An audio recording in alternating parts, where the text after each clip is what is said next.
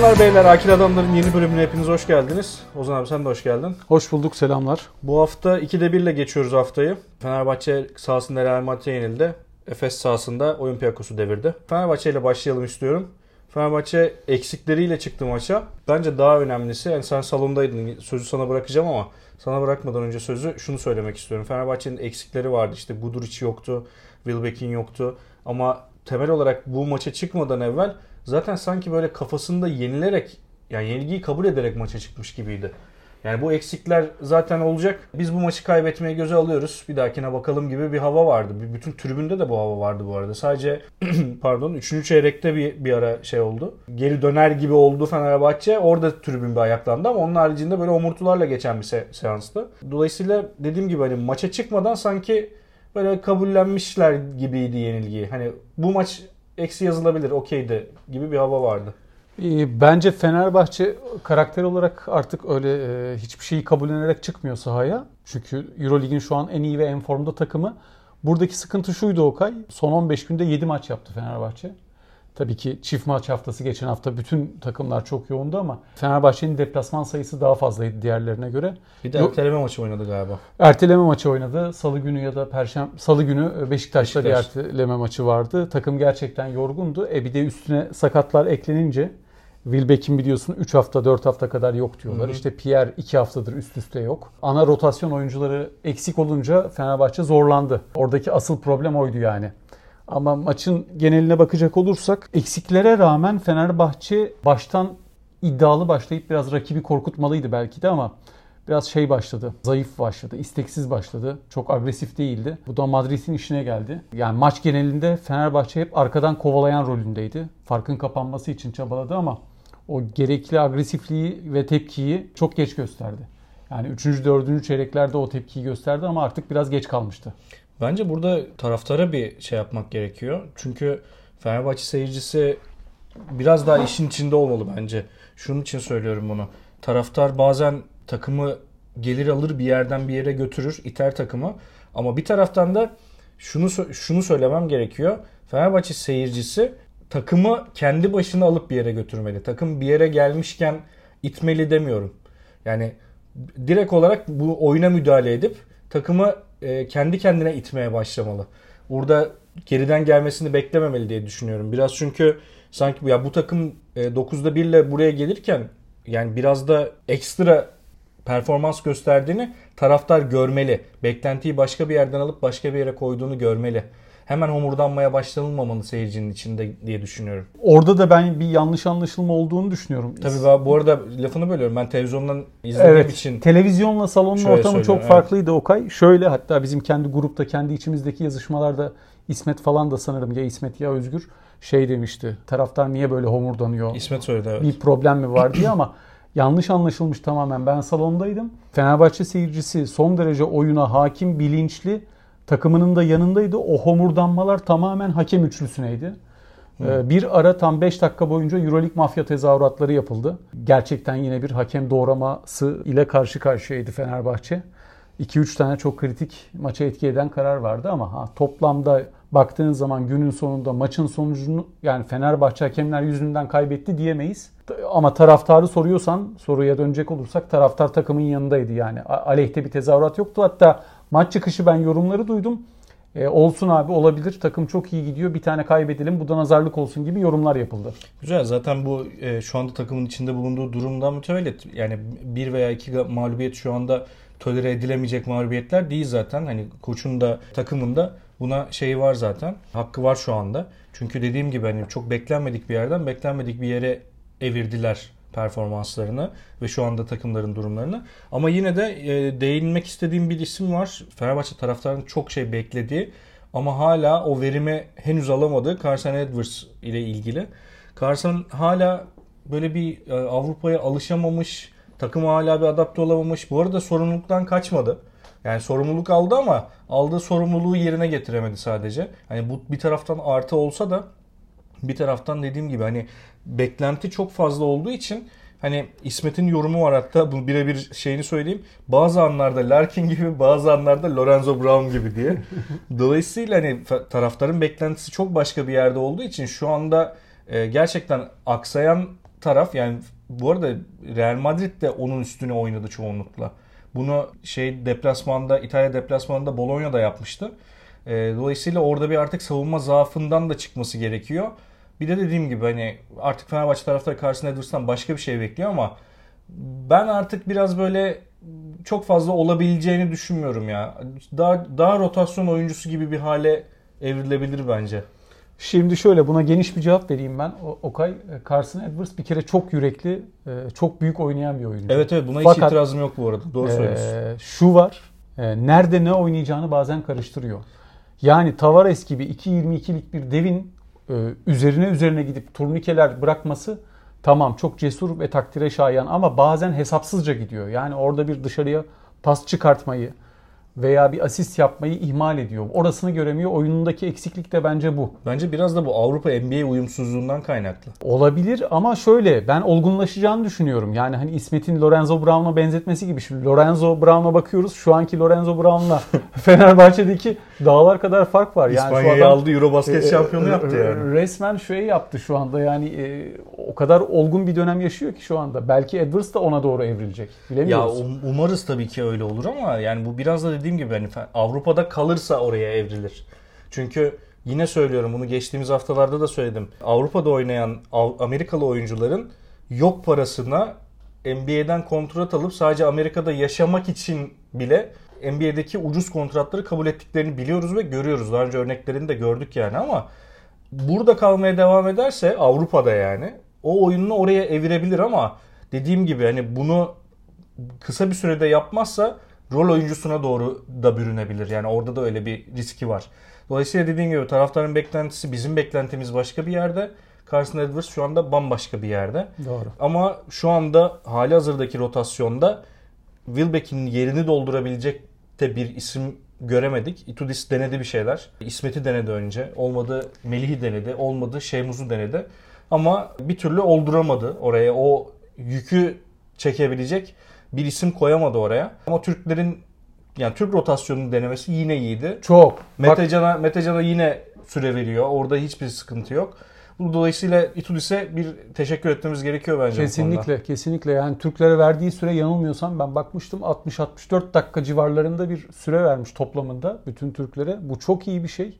Yerlilerin süre alması geçen sene Djordjevic döneminde başlamıştı. Itudis bunu devam ettiriyor ve çok güzel şeyler yapıyorlar. Hem Türk basketbolundaki Türk oyuncuların gelişim ve milli takıma katkı anlamında. Ama burada Itudis'i eleştirebileceğimiz taraf belki de bir rol oyuncusu olan İsmet'le ilk 5 başlaması maça. Belki bunu sonradan yapsaydı, belki Şeyhmuz'la başlasaydı sanki biraz daha farklı olabilirdi diye düşünüyorum ben. Çünkü İsmet de biraz bocaladı. Ama belki de yani bazı bazı koçların şeyleri vardır. E, nasıl diyeyim? Tarzları, tavırları vardır. Mesela İsmet'e o güveni vermek için, onu göstermek için belki ilk 5'e atmış olabilir. Yani belki İsmet Itudis'in beklediği tepkiyi verseydi bambaşka bir şey olabilirdi yani. Itudis arıyor galiba. bir saniye. Sonra arayacağım ben seni. bambaşka bir şey olabilir dediğim gibi İsmet'e. Belki o güveni vermek istedi ama karşılığında onu alamadı. E, dolayısıyla hani bunu denemiş olması bile çok güzel tabii ki. O apayrı bir mevzu ama şimdi ben tabii böyle evde röpte şambırımla oturup bunu konuşmak. E, viskin nerede? Şimdi e, Efes tarafına geçmek istiyor. Fenerbahçe bu arada Fenerbahçe'nin de şeyini söyleyeyim. Bir, bir sonraki hafta deplasmana gidiyor. Alba Berlin deplasmanına. Evet. Sonra içeri Olympiakos'a geliyor. Zor deplasman. E, Alba Berlin de bu haftaki performansını göz önünde bulundursak yani yine tutarsız bir takım tabii ki kolej basketbolu gibi oynamaya devam ediyor falan ama Barcelona'ya son topa kadar getirmeyi başardı. Ama Fenerbahçe tarafında inşallah Fenerbahçe daha bu e, açıkları kapatmış olarak oraya gitmiş olur. Alba Berlin deplasmanından da zaferle döneriz inşallah. inşallah. Efes tarafına geçiyoruz. Efes tarafında da şimdi maçı maçta beraberdik bu arada 10-0'la başladı Olympiakos. Ve böyle bu arada şey yani ben Vezenkov'u ilk defa izledim. İlk hatta böyle ben biraz erken gittim işte 6.30 falan gibi gittim. Isınmalarında da oradaydım yani. Vezenkov'u gördüm ve de sizi de ilk yaptım diyorum. Aslan gibi bir adam. Yani hani koç gibi delikanlı. Aynen öyle yani. Çok çok kalıplı ve o kalıbına göre çok hareketli bir oyuncu hakikaten. Ve Olympiakos 10-0'la başladı. 10-0'la başladıktan sonra da Efes'in e, biraz daha Ergin Hoca yardımıyla hareketlendiğini gördük. Çünkü 10-0 olduğunda Ergin bir mola aldı ve ben dedim ki siz için az önce Efes kariyeri bitti dedim. evet. Yani Çünkü o kadar sinirliydi ki Zizic'e. Her tavrından belliydi bu. Orada bir kötü başlangıcın getirdiği böyle bir özgüvensizlik vardı Efes'te ama sonradan maçı dengeledi ama bu dengeyi sağlayan şey bence Isaiah Taylor'dı. Yani savunmasıyla şimdi X faktörleri biz hep böyle şey konuşuruz. Ekstra sayı atanlar gibi konuşuruz ama şimdi takıma baktığımız zaman Boboa, Miçic ve Clyburn'un çift tanelilerde olduğunu görüyoruz. Onlar artık X faktör şeyinde değiller ama maçı dengeyi değiştirecek olan şey Isaiah Taylor'ın savunmasıydı. Bir taraftan da 4 numaradan yine verim alamadığını, Zizic'den verim alamadığını ve aynı zamanda Amatembaye'nin de hastalığından dolayı kadroda olmadığını da söyleyelim. Yani Evet. bunlardan sonra denge kuruldu maçta. Oradan sonra Efes geri geldi. Doğru. Mesela e, Okay şu- e, bizim e, izlediğimiz bu Efes bundan 4 hafta önce olsaydı veya 5 hafta önce olsaydı hele bir de Amat Mbaye yokken herhalde bir abartmıyorum ama 20 sayı farkla falan sahadan ayrılırdı. Muhtemelen öyle, Yani evet. yenik olarak ayrılırdı. Evet evet içeride içeride bir hezimet olurdu yani. Kesinlikle hezimet olurdu ama şu anda roller daha iyi dağılmış durumda. Herkes ne yapacağını biliyor. Herkes rolünü kabullenmiş durumda. Mbaye gibi 4 numarada handikap yaratacak bir eksiğe rağmen top dağılımı, pas paylaşımı gayet iyiydi. Ee, ve herkes görevini yaptı bence. Baktığın zaman yine işte şey mahşerin 3 atlısı 4 atlısı diyoruz.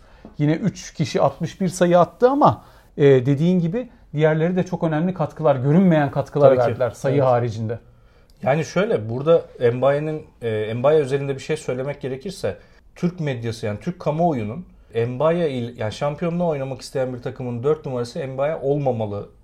Ama Mbaye burada oyununu o noktaya getirebilirse zaten bambaşka bir şey olur. Yani o şampiyonluk kadrosunun 4 numarası haline evrilirse Mbaye zaten istenilen noktaya gelecek. Hani bence Ergin'in de beklediği artık o. Çünkü Polonara'dan da beklediği şeyi alamıyor. Yani maç içinde hatırla bir ara Dunstan'la Tibor 4-5 oynadılar. Yani Evet. iki tane bir, bir tanesi 35'lerinde 36 Dunstan kaç yaşında oldu? 35 yaşında Dunstan mı? 36. 36 yaşında Dunstan Vezenkov'la boğuştu, güreşti yani. Dunstan'ı bugün de mesela Karşıyaka maçında 4 numara oynattı. Evet çünkü Polonar da yoktu bugün. Bu arada e, Efes bizi kaydı yapmadan evvel Karşıyaka'ya yenildi. Hatta sen de maçtan geldin. Evet. E, ben Röpteşambır'ın evde otururken. e, yani Efes il- ilginç bir takım haline geldi. Ama Zizi, Çünkü- Zizic'in süresini arttırdı mesela Olympiakos maçında. Bilmiyorum dikkat Çünkü ettin abi mi? şöyle yani Dunstan'la Tibor oynuyor 4-5. Faul problemine girdiğinde elinde başka bir alternatifi yok. Yani 5'e illa ya Tibor'u dinlendirmek için e, Zizic'i, Dunstan'ı dinlendirmek için Polonara'yı kullanmak zorunda yani. Hani burada söylemekte bir beis yok. Dakikası artmış olabilir ama oradaki ondan beklediği şey olmadığı için artık böyle yani onu gözüne kestirmiş olabilir gönderilecekler listesinde. Hatta bugünkü Karşıyaka maçından sonra da açıklaması var yani bazı arkadaşlar son kez Efes forması giydi diye.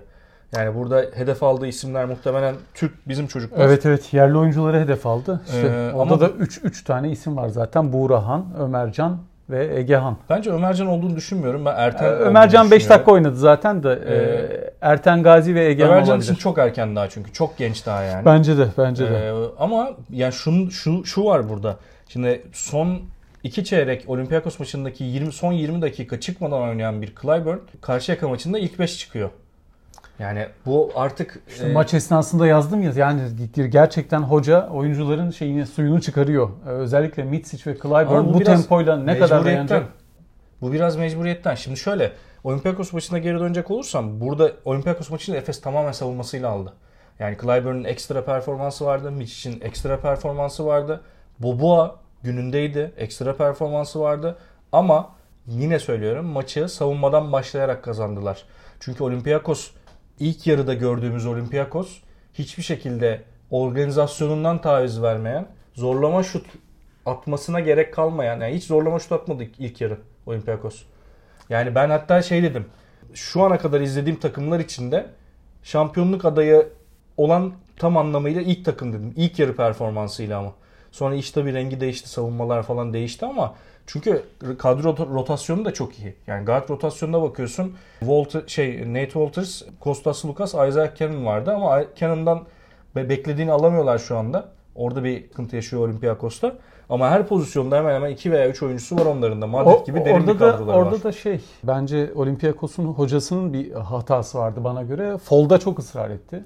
30, Evet. 30 dakika fol, folu oynattı. O biraz eski uzun mantalitesinde basketbol oynatıyor ama aslında yedekte koç gibi aslan gibi bir e, Bolomboy varken Bolomboy'dan biraz az faydalandı bence. Valla Bolombo ile Tarık Bilek bence de daha fazla faydalanabilir onlardan. Çünkü Mustafa Fol'un olduğu sahada olduğu her dakika eksi yazıyor Olympiakos'a.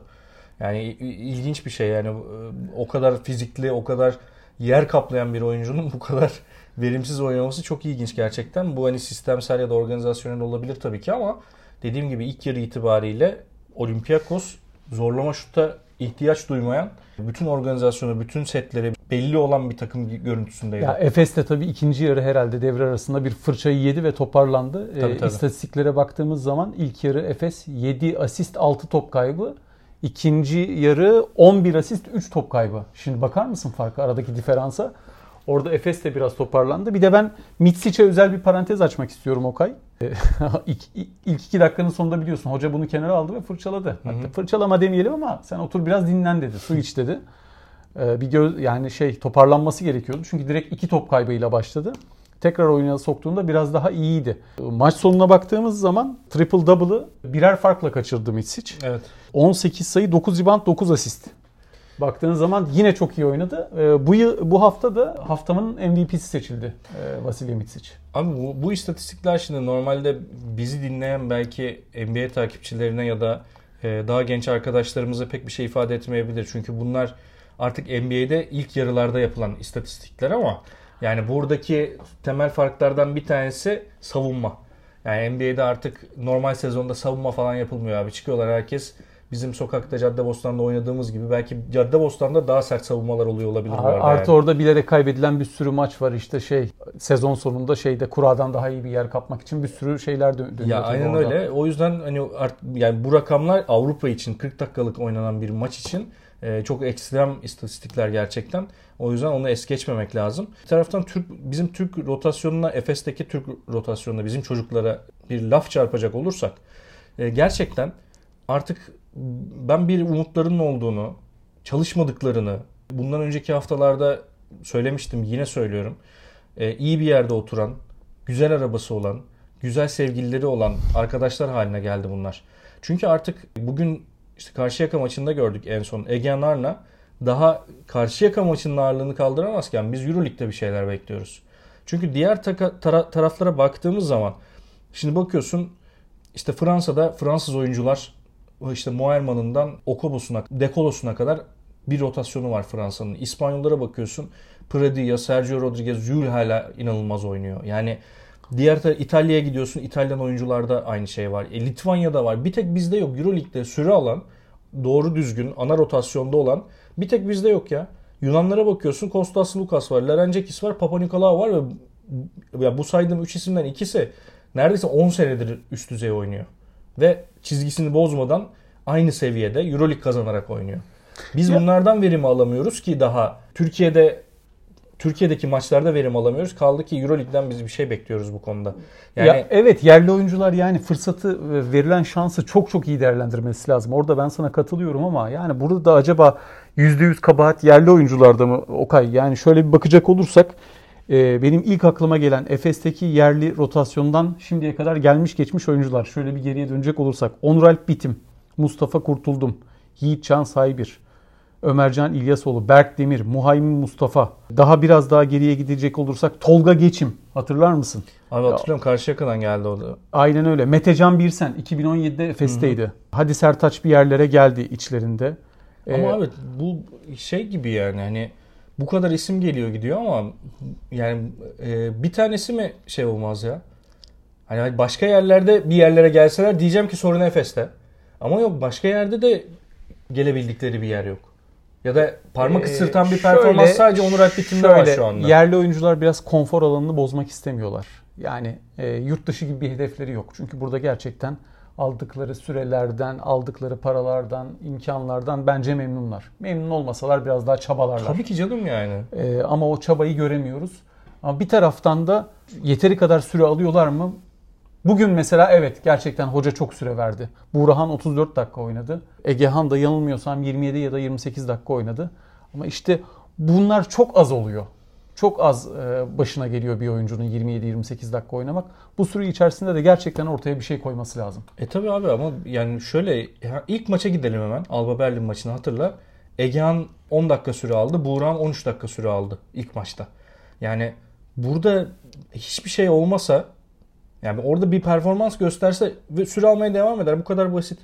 Yani bu çocukların hadi Buğran artık 30'una geldi. Ben Buğran'dan umudu kestim. Gerçekten umudu kestim ama yani diğer çocukların salonda yatması gerekiyor ya.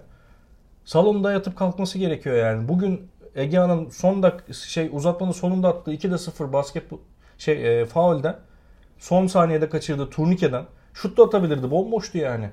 Kendine biraz güvenli, özgüvenli hareket etmesi gerekiyor bu çocukların artık yani. Bu özgüveni ben Ergin gibi bir hocanın aşılayamayacağını düşünmüyorum. Yani bak şey şu anda Fenerbahçe tarafına geri dönelim. Orada süre alıyor bu çocuklar. Şemus süre alıyor. Metecan Birsen süre alıyor. E, Melih hala rotasyonun içinde bir yerde. Ya dolayısıyla burada bence dediğin çok doğru. Ben bunu daha önce de destekleyen bir sürü yorum yaptım. Ben şu anda Onur Alpit'in yerinde olsam Bursa'dan çıkarım. Zalgiris mi istiyor beni? Valencia'ya mı gideceğim? İşte kim var? Kızılyıldız mı? Partizan mı? Yani profil, takım profili önemli değil. Yani Euro Lig'de illaki kafaya oynayan bir takımda oynaman gerekmiyor. Yani bir yerden başlaman gerekiyor ama. Efes'in bu bu hafta EuroLeague yönetiminden aldığı para cezasının da sebebi aslında bu e, konuya dayanıyor biliyorsun. Oyuncuların konforu Efe, evet, tabii evet, ki. Efes şey Ergin Ataman son bir aydır yerli oyunculardan randıman alamadığı için son deplasmana götürmedi ve hepsini burada bıraktı. Günde çift e, idman yaptırdı. E, çift idman da e, sonradan öğreniyoruz ki ben bu konuyu bilmiyordum. Çok önemli bir bilgi. Biliyorsun EuroLeague Oyuncular Birliği var ELPA. Hı hı. E, ELPA'nın koyduğu kurallara göre EuroLeague oyuncuları günde tek idmandan fazla yapamıyorlar. Çift idman yaptırdığı için Efes'e EuroLeague yönetimi 20 bin euro para cezası verdi. Arkasından da hatta e, Ergin Ataman'ın açıklamaları oldu. Kimse bizim iç işlerimize karışamaz diye ama tabii ki para cezası verildi artık bir kere. Arkasından da bugünkü Karşıyaka maçından sonra bazı oyuncular bundan sonra forma giyemeyecek dedi. İş biraz e, enteresan yerlere doğru gitmeye başladı. Bakalım ne olacak. Ben burada oyuncular birliğindeki işgüzarlıktan bahsetmek istiyorum. Yani madem bu kadar e, takımlara karşı dik duruşunuz var o zaman Euroleague'e Euro karşı da bir dik duruşunuz olsun. Yani çift maç haftalarında da itiraz edin. Ya da milli takımlarla çakışan yerlere de itiraz edin. Niye itiraz etmiyorsunuz? Yani fazla idman yapmak mı ağır geldi? Seyahat edip maç yapmak koymuyor mu? Yani ben bunu biraz işgüzarlık olarak görüyorum. Bir ya de yani bunu... senin senin bir eksiğin varsa idman yapacaksın abi. Sen para alıyorsun yani. Ben mesaiye kaldığım zaman yani şirketin durumuna göre para alırsın almazsın mesaiden ayrı bir mesele ama sen mesaiye niye kalırsın? İşini yetiştiremezsen kalırsın. İşini yetiştirmek için mesaiye kalman lazım. E sen formda değilsen antrenman yapman lazım. E o zaman antrenman yapacaksın abi. Yani bu bu kadar bunun böyle şey yapılmasına gerek yok ya. Oyuncular... Hem böyle güzel paralar al. Yine geliyorum oraya. Hem güzel paralar al. Hem manitalarla gez. Hem güzel arabalara bin. Güzel yerlerde yaşa. Güzel yerlerde yemek ye. Bir de ben çift idman yapmayayım. Ya yok öyle bir şey yani. E, bence de biraz sporun ruhuna aykırı Okay. Yani oyuncular kendi kendilerine ilave idman yaptıkları zaman, fazladan e, antrenman yaptıkları zaman sorun yok ama takımın hocası idman yaptırdığı zaman böyle e, bir handikap oluyor. Burada bence de biraz sporun ruhuna aykırı bir durum var. Evet, Çünkü abi. dediğin gibi bir e, oyuncuda veya takımda eksiklik varsa bunun üzerine gitmek için e, çalışmak, antrenman yapmak kadar doğal bir şey yok. Burada bir müdahale söz konusu dışarıdan. Ama işte diğer taraftan da aynı bu şey yani işçilerin sendikalaşması gibi oyuncular da bir taraftan böyle şeyler zamanla böyle kazanımlar elde etmiş durumda. Bu da bir nevi sendika aslında. Ya ee, güzel bir şey sendikalaşma tabii ki ama yani dediğim gibi işte yani burada, biraz pozitif burada bir, burada bir çatışma o, evet ortaya çıkıyor. Ee, şimdi şeye geleceğim. Efes maçının ortasında yani devre arasında Simon'un forması emekli edildi. Maç esnasında da ben size fikrimi söyledim. Simon'dan önce gelecek olan yani forması emekli edilmesi gereken insanlar var diye düşünüyorum. Tamer Oyguş olabilir. Efendime söyleyeyim. Şu anda kulüpte görev yapan Alper Yılmaz bile olabilir Simon'dan önce. Hani evet. tamam 2 Euroleague şampiyonluğu olabilir. Tabii 2 Euroleague şampiyonluğu çok önemli tabii ki ama e, biraz da burada ben şey görüyorum yani forma numarasının 44 olmasının avantajını görüyorum. Yani Simon şu anda herhangi bir kulüpte oynamıyor. Baskette resmi olarak bırakmış bir oyuncu değil. Ama forması emekli edildi. Bence güzel bir etkinlik bu arada ki bu marketing işlerinde Efes'in senelerdir ödül aldığını ve bu işi çok iyi yaptığını söyleyebiliriz. Tabii tabii. yani. Bu Pazarlama konuda konusunda kulüp Evet. yönetimi çok iyi. İnanılmaz o konuda Efes. Forma emekli etme organizasyonu güzel bir organizasyon ama bence öncelikler biraz değiştirilmeli diye düşünüyorum. Bu aynı şeyi Fenerbahçe tarafı için de söyleyebilirim. Yani hala bir İbrahim Kutluay'ın formasının emekli edilmemesi. Yani bu belki yönetimle yaşadığı sorunlardan dolayı yapmıyor olabilirler ama bence bu durum ayrı- ayrıştırılmalı. Yani din ve şey işte birbirinden ayırmak gerekiyor gibi yani. Bana öyle geliyor. Ben katılıyorum sana. Orada Efes'te çok o, o Koraç Kupası döneminde 96 kadrosundan en az forması e- emekli edilmesini hak eden 3 oyuncu var. Tamer Oyguç, Ufuk Sarıca, Volkan Aydın, hatta ve hatta Larry Richard. Belki rahmetli Conrad McRae. Bunların Evet. hepsi bence istisnasız hak ediyor. Orada biraz tabii, tabii arka arkaya iki Euroleague şampiyonluğunda doğrudan etkisi olan bir oyuncu olduğu için belki de o yüzden e, Kurnoslav Simon e, bir de tabii o yıllarda böyle o forma emekli etme şeyleri yoktu. Bu son yıllarda tabii ki. ortaya çıkan Evet. bir gelişme. Ama bu arada muhtemelen Larkin'in de Mitch'in de forması emekli edilecek bu arada. Mutlaka, mutlaka. Basketbol bıraktıklarında mı? Burada tabii Kurnoslav Simon'un basketbolu bırakmasının da formayı e, emekli etmesine etkisi var. Bıraktı Belki mı Simon? Resmi açıklama Si- yaptı Si- mı? Simon şu anda bildiğim kadarıyla hiçbir takımda oynamıyor. Yok şu anda bir takımda oynamıyor zaten ama resmi olarak da basketbolu bıraktım gibi bir... Öyle bir açıklamasını duymadık ama oynadığı bir takımda yok galiba şu anda. Evet, şimdi haftanın maçlarına geleceğim. Maçlardan önce şeye değinmeyecek misin ya Teodosic'e? Ya Teodosic artık İtalya'ya gitmek istemiyorum abi. Teodosic iki, iki maç ceza aldı. Sonuna kadar hak etti. Ee, Ama bilmiyorum var mı söyleyecek bir şeyim varsa? Vallahi Alayım. şöyle biliyorsun Kırkpınar güreşlerinde paça kazık diye bir oyun var. Ee, e, alttan dalıp kazık e, paça içerisinden elini sokmak suretiyle yere düşürme oyununa deniyor. Teodosic Embayi'nin sol bacağından bu işlemi yapmıştı. bir de üstüne üstlük itiraz etmişti. Hayırdır ha- hoca bana niye şey veriyorsun, faul veriyorsun diye. Arkasından da e, önce teknik faul sonra da diskalifiye olmuştu. Sonuna kadar iki maç cezayı hak etti. Benim içimin yağları eridi. Buna da buradan değinmeden geçemeyecektim. sen tamam için yağları erimesi, erimesi için söylediysen o başka tamam ona bir şey Evet, demiyorum. evet. Bir de e, Mirotic ve Larkin'in dönüşü diye not almışız ama Mirotic döndü Larkin henüz dönmedi. Ama muhtemelen bir sonraki maç dönecek diye bekleniyor. Takımla antrenmanlara çıkmış ama sakatlığı elinde olduğu için henüz sert topları tutamıyormuş. Öyle bir güncelleme var o tarafta. E, Ama Mirotic döndü. Döner dönmez de 19 sayıyla sanki hiç gitmemiş gibi. Bu sene çıktığı ilk Euroleague maçında 19 sayıyı Alba Berlin potasına bıraktı. Takdire şayan gerçekten. E, sanki aylardır oynuyor. Hiçbir şey yokmuş gibi çıktı ve oynadı. Gerçekten helal olsun. Büyük oyuncuymuş. Demek ki iyi çalıştı, kendine iyi baktı. Ya buradan Türk oyun basketbolcularına diyoruz. Çalışırsan olur. Bu kadar basit diyoruz, yani. diyoruz evet. Şimdi haftanın maçlarına şöyle bir değinecek olursak şimdi geçtiğimiz hafta Kızıl Yıldız'ın Bologna galibiyeti var. Valencia deplasmanda Partizan'ı yendi. Orada da yine uzatmaya giden bir maç vardı. Valencia sürpriz bir galibiyet aldı bence. Ee, diğer tarafta Fransa derbisinde Monaco Asvel'i yendi. Baskonya'da Milano'yu yenerek Milano'nun tabutuna bir çivi daha çaktı. Ama Messina'nın hiç bırakmaya niyeti yok gibi gözüküyor. Ama bir taraftan da 3 galibiyetli ligin sonunda olsa da playoff sırasında galiba 2 galibiyet falan mesafede yani. Aslında çok da kaybedilmiş bir şey yok ama yani düzelecek çok şey var. Onlar Vallahi Messina hocam da bilmiyorum. e, gururunu ayaklar altına aldı ya. 2-3 tane açıklama yaptı bundan sonra işte e, Signor Armani e, ile görüşeceğim.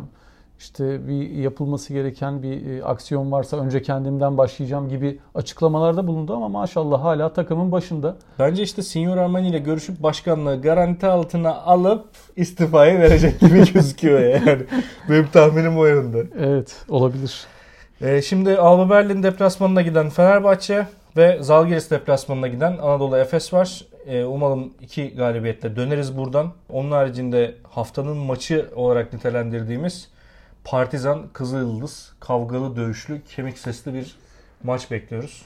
Vallahi maç gibi maç oturup izlenir yani. Çünkü e, Euroleague e, bir tarafa dünyanın sayılı derbilerinden birisi. Sıkı maç olacak. Çünkü bir taraftan işte Ivanovic'le 4'te 4 yaptı Euroleague'de Kızıl Yıldız.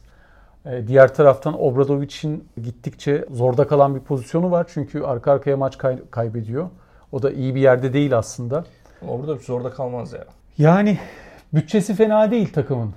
Baktığın zaman 11 milyon euro civarında bir bütçesi var. Ama belki de tam karşılığını alamadı hala. Devlet desteği azalmış. Partizan Başkanı öyle açıklama yapmış. Evet, geçen sene Mihailovic geçen sene devletten 5 milyon dolar destek aldıklarını, bu yıl ise o desteğin sadece 500 bin dolara indiğini söyledi. Yanlış zamanda almışlar ya. Keşke bu sene alsalarmış ya. Euroleague'deyken alsalarmış. Evet, evet. Bir de üstüne üstlük gelirlerinin e, azaldığını söyledi. Ya ben de bu gelirler nasıl azalıyor anlamıyorum Okay. E, seyirci rekoru kırıyor adamlar. 16.500 biletli seyirci geliyor maçlara. Açık ara bir numarası şu anda seyirci sayısı olarak Partizan'ın. Ama gelirlerimiz azaldı falan diyor. E, bir konunun da altını çizmiş başkan. E, sponsor gelirlerimiz çok önemli. Bizim tribünlerimizde siyaset yapılıyor, politika ile ilgili tezahüratlar yapılıyor. Bunu kesinlikle istemiyorum. Siyasi slogan atacak olanlar e, salona gelmesin gibi açıklamaları oldu. Çünkü şeyi kaybetmekten çok korkuyor. Sponsor gelirlerini kaybetmekten çok korkuyor başkan.